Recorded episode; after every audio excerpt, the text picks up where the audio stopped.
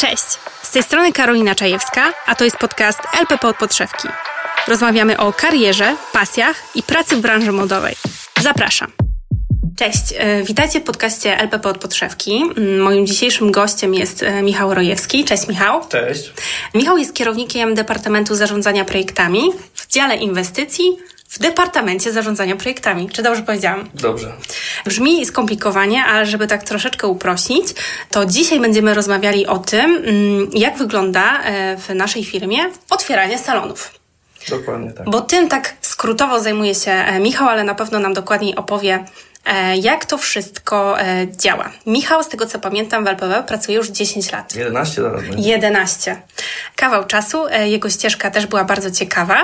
I może zacznijmy właśnie od korzeni, czyli Twoje studia. Tak. W ogóle jakby moje studia są e, w zasadzie niezwiązane z tym, czym się zawodowo zajmuję od tych 11 lat, ponieważ studiowałem filologię rosyjską z językiem angielskim i e, tam, to był pierwszy stopień e, moich studiów. E, no ale przez to, że nie wiązałem e, przyszłości jakoś ani z tłumaczeniem, ani z nauczaniem języka, rodziców mam nauczycieli, więc jakby trochę się tego w domu, o, jakby wyle- wyleczyłem się trochę z tego w domu. Witaj w klubie, bo moja mama jest nauczycielką języka polskiego. Jeżeli słucha podcastu, to serdecznie ją pozdrawiam. Tak, także chciałem robić coś innego, dlatego drugi stopień studiów to już były międzynarodowe stosunki gospodarcze, się przeniosłem z Olsztyna do Gdańska. E, Pracowałem w trakcie tych studiów jeszcze jako przedstawiciel handlowy w zasadzie przez 3 lata. Sprzedawałem systemy alarmowe, w ogóle usługi związane z ochroną. No i gdzieś tam w momencie, kiedy kończyłem te studia, to, to też postanowiłem coś zmienić, e, bo byłem generalnie zadowolony z tamtej pracy, ale brakowało mi jakiejś takiej możliwości rozwoju i też wykorzystania jakichś swoich i jakichś kompetencji zdobytych na studiach, no bo języki po pierwsze, po drugie też szukałem czegoś, co da mi taką możliwość rozwoju, gdzieś tam marzyło mi się właśnie praca w takim międzynarodowym środowisku. No i generalnie w tym samym czasie mój kolega z poprzednich studiów zaczął pracę w Wydziale Inwestycji w LPP i powiedział, że jest rekrutacja otwarta na, e, na stanowisko specjalisty do spraw przygotowania inwestycji. Powiedział mi mniej więcej, na czym ta praca polega. No, Normalnie apliko- złożyłem aplikację, e, gdzieś tam przeszedłem cały proces rekrutacyjny, no i szczęśliwym trafem zostałem wybrany na to stanowisko. No i wtedy w zasadzie uczyłem się wszystkiego. E, Pierwszy rok to w ogóle to była ciągła nauka. I tak dopiero po roku gdzieś tam zacząłem się, powiedzmy, czuć e, w miarę pewnie w tym, co robię. Już zebrałem jakieś doświadczenie z kilku projektów, więc wtedy zajmowałem się właśnie negocjacjami technicznymi, czyli współpracowaliśmy z działem najmu. E, Dział najmu odpowiadał za pozyskiwanie, dalej odpowiada za pozyskiwanie powierzchni pod nasze sklepy. No i żeby zamknąć taki etap negocjacji, to trzeba podpisać umowę, której częścią jest załącznik techniczny i w załączniku technicznym jest, e, e, jest określony stan lokalu, stan techniczny lokalu, harmonogram. E, też dołączaliśmy takie, takie wstępne projekty nazywane analizą architektoniczną. No i moją rolą było uzgodnienie tego z wynajmującym, wynegocjowanie dla nas korzystnych warunków we współpracy z działem najmu, z działem prawnym. E, Też tutaj wewnątrz działu inwestycji z architektami, bo mamy e, całkiem spory dział takich wewnętrznych architektów, którzy też pomagają w opracowaniu tej dokumentacji takiej, którą dołączaliśmy do umowy. Więc zacząłem od tych negocjacji, jako że wtedy to był bardzo mały zespół, bo to było pięć osób w zespole. I zajmowaliście się e, tylko, a czy tylko otwarciami w Polsce, czy też za No właśnie, granicą? bo, bo, bo to było tak, że, że były dwie osoby w tamtym czasie odpowiedzialne za otwarcia w Polsce, bo wtedy w Polsce otwieraliśmy gdzieś mniej więcej połowę z tych wszystkich sklepów, które rocznie otwieraliśmy, to było otwierane w Polsce. Kolejna prawie połowa to były, z- może nie wiem, 30-40% to, było, to były sklepy otwierane w Rosji na Ukrainie, bo wtedy był taki duży boom centrów handlowych, więc wchodziliśmy z pakietem z pięcioma brandami, z czterema brandami wtedy, bo wtedy Sinsei Jeszcze nie było. Sinseya nie było, tak. e, z czterema brandami do, e, do, do tych centrów handlowych, więc to było zupełnie inna, inna skala, bo też otwieraliśmy mniej sklepów niż teraz, a, a z drugiej strony też było o tyle inaczej, nie chcę powiedzieć łatwiej, chociaż poniekąd było trochę łatwiej, bo, bo mówię, to otwieraliśmy w jednym centrum handlowym cztery sklepy, więc ta umowa, z mojej perspektywy, umowa, załącznik techniczny był praktycznie ten sam dla wszystkich brandów, poza właśnie tą analizą, czyli tymi takimi wstępnymi rysunkami, rzutem lokalu, witryną. Pozostała część, czyli było to 50% w Polsce, 30-40% w Rosji na Ukrainie, tam były dwie osoby za to odpowiedzialne. No i była taka, takie mało, małe wtedy poletko pod nazwą inne kraje mhm. anglojęzyczne. Ja nawet nie tyle kraje anglojęzyczne, co kraje, gdzie po prostu te umowy zawieraliśmy w języku angielskim. Mhm. Ja dostawałem te tematy. Wtedy rozwijaliśmy się w Czechach, Litwa, Łotwa, Estonia, jakieś pojedyncze sklepy, yy, najwięcej w Czechach, w Słowacji, trochę na Węgrzech, dosłownie pojedyncze salony. No i jakoś tam sobie radziłem. Gdzieś tam pojawiały się takie fajne projekty typu Kamienica w Rydze, taki jeden z pierwszych naszych salonów -hmm. flagowych, już teraz pewnie mało kto go pamięta, bo to było... Ale chyba kojarzę zdjęcie, to chyba bardzo ładnie wygląda tak, ta taka, fasada. Taka, -hmm. taka marmurowa fasada, tak, dokładnie. E, I to był dosyć trudny projekt, no bo wtedy otwieraliśmy masowo te sklepy w centrach handlowych i, i to była zupełnie inna jakby specyfika obiektu, inne całkiem ustalenia. A tutaj mieliśmy kamienicę, którą dostawaliśmy taką jaka jest i mieliśmy sobie tam e, zrobić sklep. Poradziłem sobie z tym tematem. No i potem przyszedł rok 2000 bodajże 13 i, i tam decyzja e, na to, żeby rozwijać się na nowych rynkach.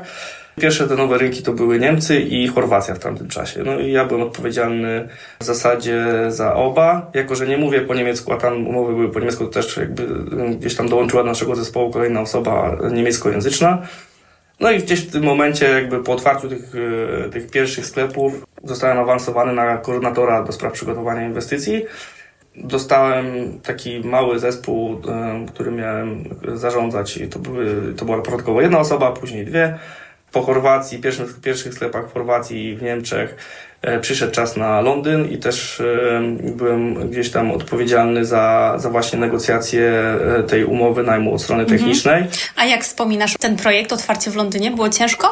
Wiesz co, było zupełnie inaczej niż na każdym innym rynku, gdzie w tamtym czasie negocjowałem te warunki techniczne zupełnie inny, no wiadomo, Londyn. Oxford Street. Oxford, więc jakby już można powiedzieć wyższe sfery, każda strona ma swoich prawników, przedstawicieli, generalnie bardzo zbiurokratyzowane jakby też środowisko, ta umowa to tam, nie pamiętam ile stron miała, ale była jak bardzo, książka. Jak książka bardzo skomplikowana.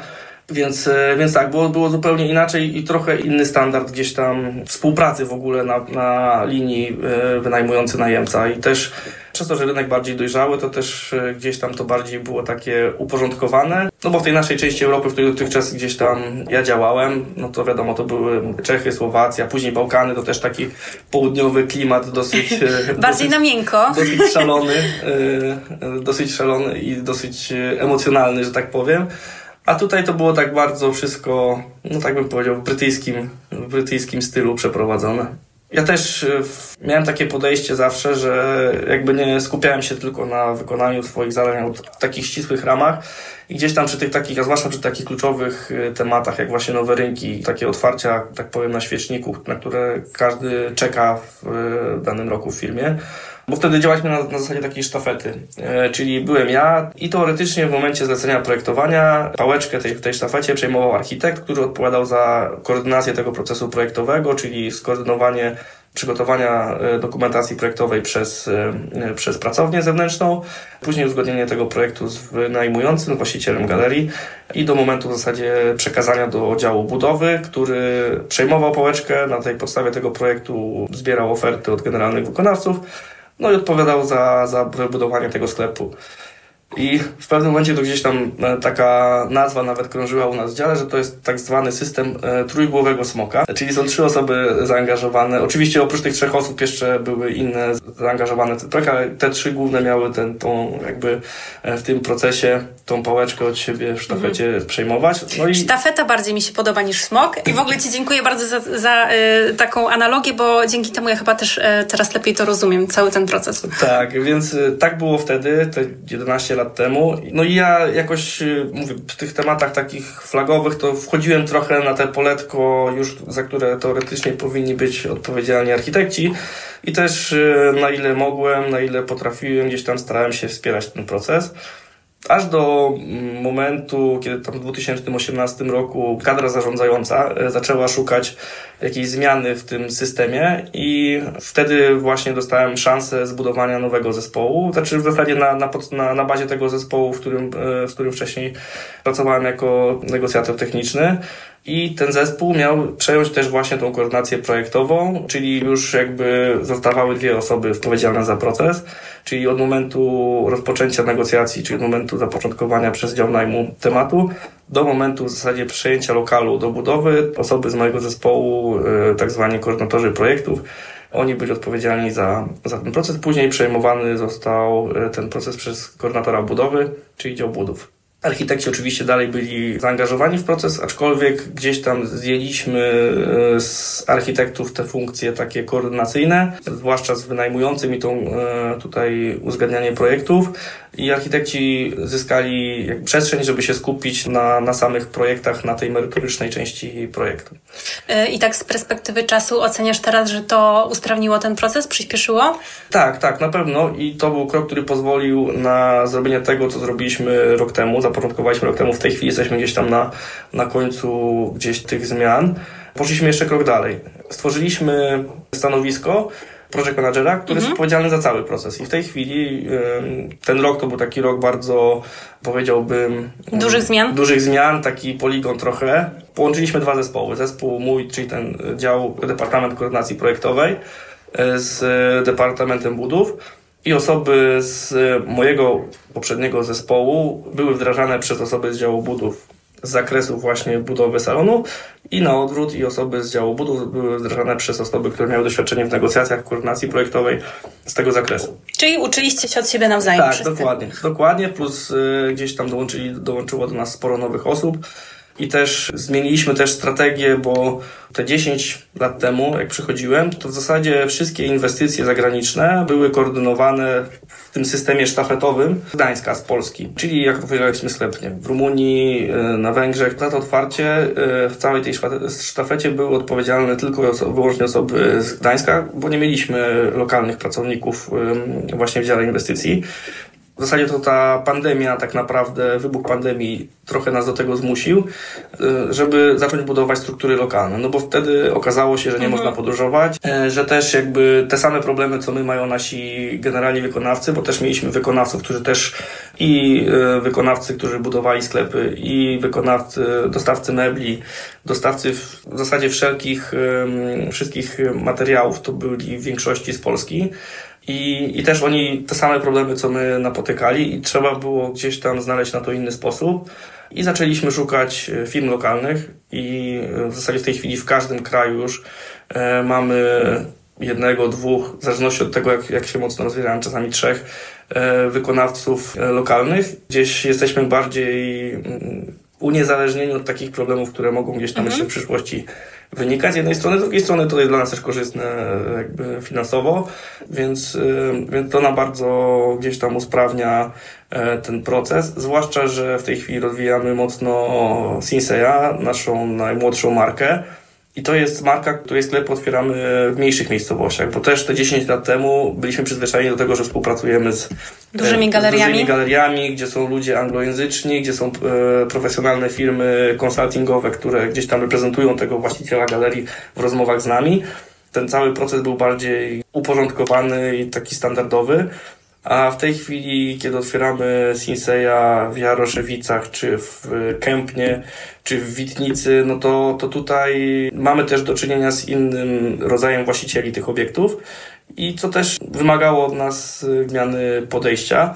No i w Polsce jest to łatwiejsze, no bo wiadomo, mamy też zespół tutaj w Gdańsku i zespół w Krakowie też, też, który w zeszłym roku, znaczy w tym roku w zasadzie tam zbudowaliśmy, dlatego że już ten gdański rynek pracy mieliśmy w jakimś tam stopniu wyeksploatowany i, i też z jednej strony, z drugiej strony przez to, że otwieramy też dużo dalej, otwieramy dużo sklepów w Polsce, to też z logistycznych względów e, łatwiej jest komuś z Krakowa pojechać e, na Śląsk czy gdzieś do Nowego Sącza mhm. niż e, osobie z Gdańska. Więc też nawet w tej skali tylko polskiej jesteśmy bardziej lokalni, tak? Jak tak sobie myślę o Twojej pracy, o charakterze jakby pracy Twojej i Twojego zespołu, tak mi się wydaje, no to na pewno przydają Ci się te kompetencje językowe, które e, nabrałeś e, w trakcie e, studiów. Na pewno jesteś bardzo zorganizowaną osobą. No tak. Taką Chyba mocno. ta praca trochę tego zawsze wymagała od samego początku i gdzieś tam, zwłaszcza ten etap negocjacji, to jest dosyć ważny etap. Wystarczy pomylić się w przecinku czasami i zamiast obciążenie stropu zgodzić się standardowo 50 kg dopuszczalne obciążenie stropu, co, co stanowi pół kN na metr kwadratowy, więc jak ktoś postawi jeszcze jedno zero, to wtedy okaże się, że nie będziemy w stanie powiesić naszych instalacji wszystkich, e, czyli instalacji klim wentylacji, klimatyzacji. Generalnie to będzie się wiązało nas z przedłużeniem budowy i z dodatkowymi kosztami, mm. bo trzeba będzie mm -hmm. wykonać e, stalową konstrukcję, która kosztuje dużo pieniędzy i mocno jakby wpływa na ostateczny budżet inwestycji. Więc tutaj to są poważne sprawy. Tak, i to wymaga dużej systematyczności i jest to duża odpowiedzialność też, e, dlatego że później, mówię, na etapie tej realizacji mieliśmy taki przykład kiedyś, w, to było w Budapeszcie, gdzie też e, rzadko wstawiamy sami schody ruchome, dlatego że to jest dosyć e, obszerny zakres prac, trzeba, też do tego prace konstrukcyjne. Te schody trzeba w jakiś sposób do lokalu wprowadzić, w istniejącym centrum, a tam właśnie mieliśmy taką sytuację w Budapeszcie, było istniejące centrum i kiedy przyszło do momentu realizacji, okazało się, że my, żeby te schody zamontować, to musimy, pod nami był supermarket, musimy wydzielić część tego supermarketu w istniejącym centrum na miesiąc czasu, wykonać tam wycięcia w stropie, wykonać tam e, podszybie i później, e, żeby wprowadzić te schody do galerii, trzeba było zdemontować fasadę e, zewnętrzną, cały ten panel wprowadzić bieg, dwa biegi schodów ruchomych. Mm-hmm. Wiesz, jak wyglądają schody ruchome, Wiem. Więc, więc to nie są małe rzeczy. Nie są. I lekkie rzeczy, więc można było przy okazji uszkodzić płytkę, więc jakby wiąże się to z wieloma takimi konsekwencjami. Otworzyliśmy ten sklep chyba ostatecznie bez tych schodów i te schody dopiero po paru miesiącach. To, co zapiszesz mhm. w tym załączniku technicznym, ma potem bardzo duże konsekwencje dla tego, jak ta inwestycja przebiegnie, więc jest, jest to ważne. Ale to jest, I wiesz, wymaga też, systematyczności. Na pewno, ale to jest ciekawe, bo to jest ciekawe stanowisko, bo z jednej strony, okej, okay, kompetencje językowe, kompetencje negocjacyjne, myślenie analityczne, e, techniczne, a z drugiej strony fajna praca, bo czasami, wiesz, ta praca analityczna e, to zależy kto czego szuka, nie? Ale ta praca analityczna jest czasami taka, że pracujesz tylko jakby na jakichś Excelach, a wy coś naprawdę budujecie i potem widzicie taką, taki wielki sklep, który no, powstał dzięki waszej pracy. Dokładnie, dokładnie. I to mi się wydaje, to było jedno z powodów, bo gdzieś tam rozmawiając, y, dlaczego zrobiliśmy, wprowadziliśmy tą zmianę y, w zeszłym roku, bo jakby to, że, że połączyliśmy te dwa zespoły, że stworzyliśmy tą funkcję project managera, to chcieliśmy dać możliwość ludziom i e, tym, którzy budowali tylko sklepy wcześniej i tym, którzy negocjowali, koordynowali projektowanie, dać możliwość właśnie poprowadzenia tego projektu od początku do końca, mhm. bo e, też często gdzieś tam w rozmowach z, z osobami na rekrutacjach, które gdzieś tam e, w tej naszej branży działały, to jak pytałem, co ich najbardziej motywuje w tej pracy, to mówili, że właśnie że e, efekt końcowy jesteś w stanie e, zobaczyć w swojej pracy, który jest bardzo namacalny i sprawia taką dużą satysfakcję. Mhm. A masz swój ulubiony salon, przy tworzeniu którego brałeś udział? Są dwa. Nie wiem, czy nazwałbym ulubionym ten drugi. Ale... Najbardziej ci zapadły w tak, pamięć. tak, tak, bo to, tak, bo jeden to jest Londyn na pewno, dlatego że to było naprawdę duże przedsięwzięcie i, i to był też dla firmy, wydaje mi się, taki e, bardzo ważny krok. I, I też jakby odpowiedzialność była duża i też pamiętam pracę nad tą umową, to w zasadzie są loty, loty z Gdańska bezpośrednio, to e, co tydzień praktycznie. Rano w samolot o 6 rano na lotnisku już, y, samolot y, do, na lotnisko w Luton albo w Stansted, stamtąd godzinę pociągiem do centrum Londynu, tam spotkanie o 10 z y, zespołem całym wynajmującego. Z naszej strony byliśmy ja, nasz dyrektor najmu i prawniczka Karolina. Takie duże spotkanie, no i wieczorem tego samego dnia jeszcze powrót, powrót do Gdańska. Także, także było to dosyć intensywne i też taki okres w życiu z jednej strony intensywny, z drugiej taki dużą satysfakcję daje. Mm -hmm. Jak już później pojechałem na otwarcie i zobaczyłem efekt tej, tej, tej pracy, jeszcze wtedy, mówię, w, tej, w ramach tej, można powiedzieć, sztafety, natomiast a widziałeś Kate Moss? Nie, nie zdążyłem. Nie zdążyłem, jakoś no tak myśmy w ogóle przyjechali zaraz po tym, jak, e, jak e, tym całym evencie otwarciowym, także... Tak, bo dla tych, którzy nie wiedzą, to tylko dopowiem, że, że tutaj twarzą otwarcia w Londynie była Kate Moss i była też tam obecna, także dlatego się dopytuję. Tak, nie, niestety właśnie nie ten, nie, nie spóźniłem się na Kate Moss. Tak. A drugi salon? Bo powiedziałeś, że dwa. A drugi salon to jest taki chyba rekordowy, nie wiem, czy u nas w dziale, w historii ktoś tak długo pracował nad jednym projektem. Z dwa sklepy w zasadzie. Lizerti i Mojito, a e, głównej ulicy handlowej w Belgradzie. To są sklepy już teraz otwarte w e, takiej starej, zabytkowej kamienicy, gdzie wynajmujący miał nam przygotować tą kamienicę na cele handlowe. Ona zupełnie jakby inne funkcje spełniała. Trzeba było tam naprawdę bardzo duży zakres prac wykonać. No i jak się ten sklep otworzył, tam wiele, wiele ciekawych historii się działo po drodze. Same negocjacje były trudne. Zaczęliśmy w 2014 roku jesienią Pierwszego maila dostałem od y, leasing managerki z Chorwacji Iwany w tym temacie. Mhm. Do, to ten sklep otworzył się w jesienią 2020 roku, czyli 6 lat. Cały proces trwał i wiele rzeczy ciekawych się po drodze działo. Najpierw oczywiście bardzo trudne negocjacje, e, później e, gdzieś tam podpisaliśmy umowę, ale wynajmujący zaczął przygotować tą, e, ten budynek i jak zaczął przygotować, tam się zaczynało cuda. Najciekawsze, co się tam wydarzyło, no bo oni generalnie zostawili tylko fasadę zewnętrzną. I cały środek był I cały środek, cały środek wyburzyli, od nowa wylewali stropy, prowadzali, właśnie montowali nam windy, schody, generalnie od, restaurowali tą elewację, wiadomo, to jest ścisłe centrum, pod ochroną, budynek pod mhm. ochroną konserwatora, oni też mieli sporo problemów przy tym, żeby ten, ten salon nam przygotować. W międzyczasie, jak y, zrobili pierwsze rozbiórki, to znaleźli jakieś ciała w ogóle zakopane w piwnicy, więc im wstrzymali budowę. Słuchajcie, to się zmieni niedługo w podcast kryminalny. Także tam się takie rzeczy działy. No i już mieliśmy ten sklep, słuchaj, wybudowany miał się otworzyć jakoś w marcu 2020 roku. Mhm. A co się wydarzyło w lutym 2020 roku? Wybuchła pandemia, myśmy ten sklep już mieli wybudowany. I w zasadzie już tam nie wiem, czy towar nawet nie, nie przyjechał do tego sklepu. No i wybucha pandemia, lockdown, w Serbii również, więc nie było sensu tego sklepu otwierać, więc on się dopiero otworzył gdzieś tam chyba w czerwcu 2020 roku, więc jeszcze kilka miesięcy tam czekał na otwarcie, pomimo, że już był gotowy. Także wszystko, co się mogło tam wydarzyć nie tak w tym, e, to się wydarzyło. Projekcie, to się wydarzyło. Opowiadając o swojej pracy, wspomniałeś, że współpracujecie z wieloma osobami, zespołami. Jakbyś mógł powiedzieć trochę więcej o tym? Ta praca project managera to jest e, taka bardzo wymagająca też dużych zdolności komunikacyjnych, bo naprawdę z wieloma zespołami i podmiotami taki project manager musi współpracować. Trzeba się umieć dogadać z każdym e, i, i generalnie począwszy od naszej wewnętrznej współpracy, bo tak jak już wcześniej gdzieś tam wspomniałem, bardzo dużo współpracujemy z, przede wszystkim z działem najmu, który y, znajduje te lokalizacje i porządkuje gdzieś tam proces negocjacyjny i też nas wspiera w sytuacjach, kiedy już mamy na podpisaną umowę i wynajmujący nie spełnia tych warunków zapisanych w tej umowie, to, to dział najmu nas wspiera w jakichś tam rozmowach z z wynajmującymi. Mamy też wewnętrznie departament aranżacji, który odpowiada za to, jak te sklepy nasze wyglądają, a w zasadzie jaką mają, e, jak są ułożone funkcjonalnie. No bo za wygląd sklepów odpowiada pracownia, która przygotowuje koncept salonu, czyli za taką stronę taki design. Taki design. Natomiast e, nasz departament aranżacji odpowiada za to i ściśle współpracuje z działem handlowym, który jest naszym klientem wewnętrznym ustalając jaki ten sklep ma mieć layout, jakie ma mieć strefy, jak e, ułożone te strefy, też e, jakie meble mają być e, zastosowane po to, żeby jak najlepiej eksponować mhm. towar. Więc jest to bardzo duży i trudny obszar. Właśnie my z architektami współpracujemy na etapie już negocjacji, bo oni przygotowują dla nas rzuty lokali, widoki witryn, które dołączamy do umów.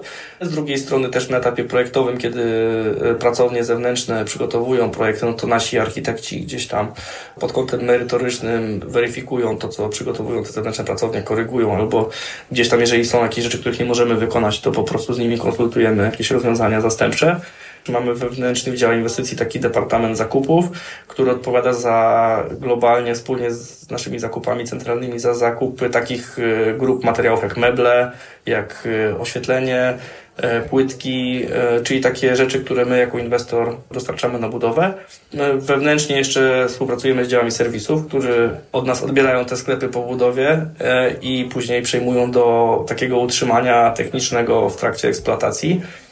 Tutaj jakby, jeżeli chodzi o takie, tą wewnętrzną współpracę, to tak to wygląda. Przy okazji też jakby negocjacji współpracujemy z prawnikami naszymi wewnętrznymi, a poza tym z wieloma podmiotami zewnętrznymi, bo to jest przede wszystkim generalny wykonawca, Wcześniej jeszcze pracownia projektowa, która przygotowuje projekty. Oprócz tego firma meblarska, która przyjeżdża, dostarcza meble i przyjeżdża je montować. Firma oświetleniowa. Oprócz tego szereg jeszcze mniejszych firm, których już tu nie będę wymieniał. Toku całego procesu ten projekt manager jest reprezentantem naszym w rozmowach z wynajmującym, z właścicielem obiektu, którym otwieramy sklep.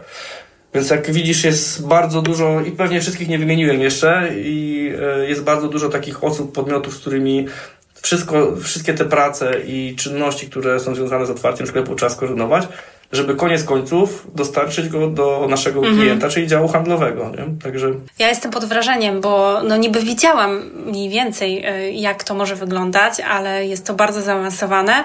I tak sobie słuchacz może pomyśleć, no otwierają jakiś tam salon w jakiejś galerii. Tak, prosta sprawa, wcale nie tak, taka prosta. Tak, tak. Wydaje się prosta, ale powiem szczerze, że są rzeczy, które nawet ludzi z dziesięcioletnim doświadczeniem mogą zaskoczyć jeszcze.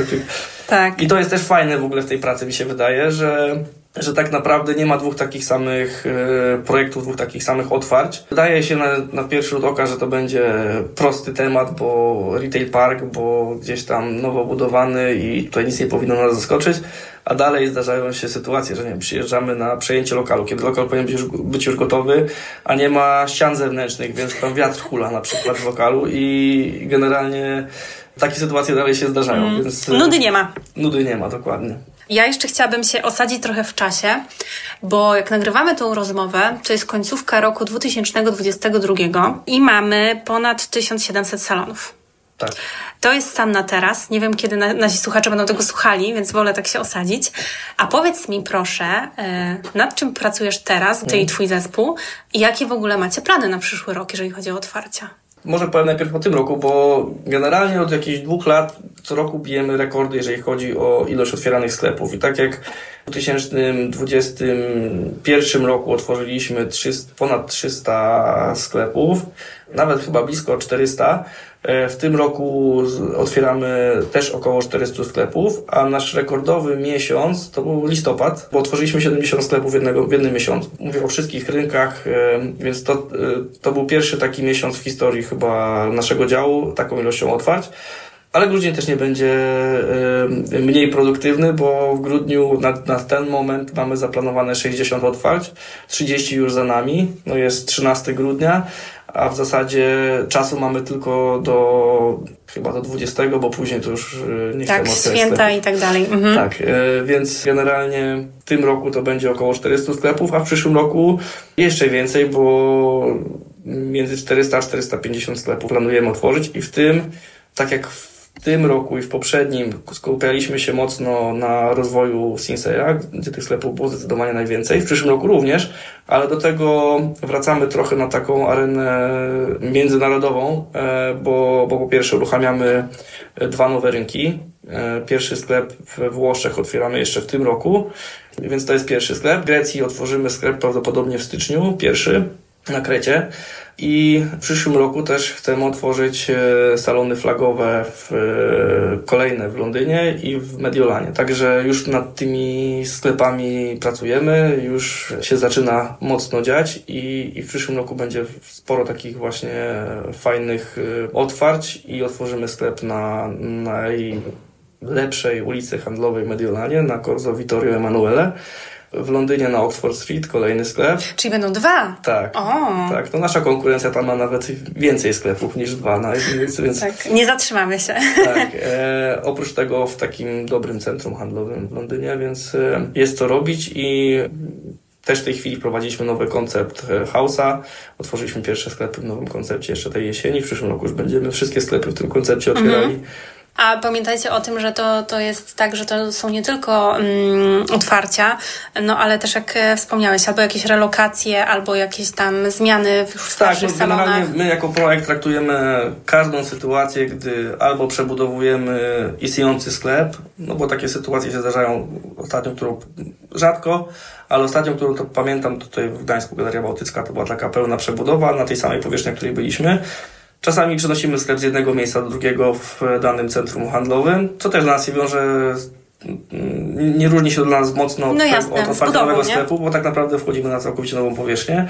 E, często też powiększamy nasze sklepy, czyli zwalnia się jakiś lokal obok naszego sklepu i, i po prostu powiększamy tą powierzchnię, żeby mm. jeszcze większy asortyment móc e, klientom zaproponować. A teraz jak e, no, jesteś kierownikiem departamentu, To na czym głównie polega Twoja praca? To są przede wszystkim spotkania z zespołem? Tak, wiesz co, mamy tak strukturę ułożoną w moim zespole. Podzieliłem jakby zespół na takie regiony i każdy region ma swojego kierownika. E, takich regionów mamy 8 w tej chwili i mój taki dzień pracy to głównie właśnie spotkania.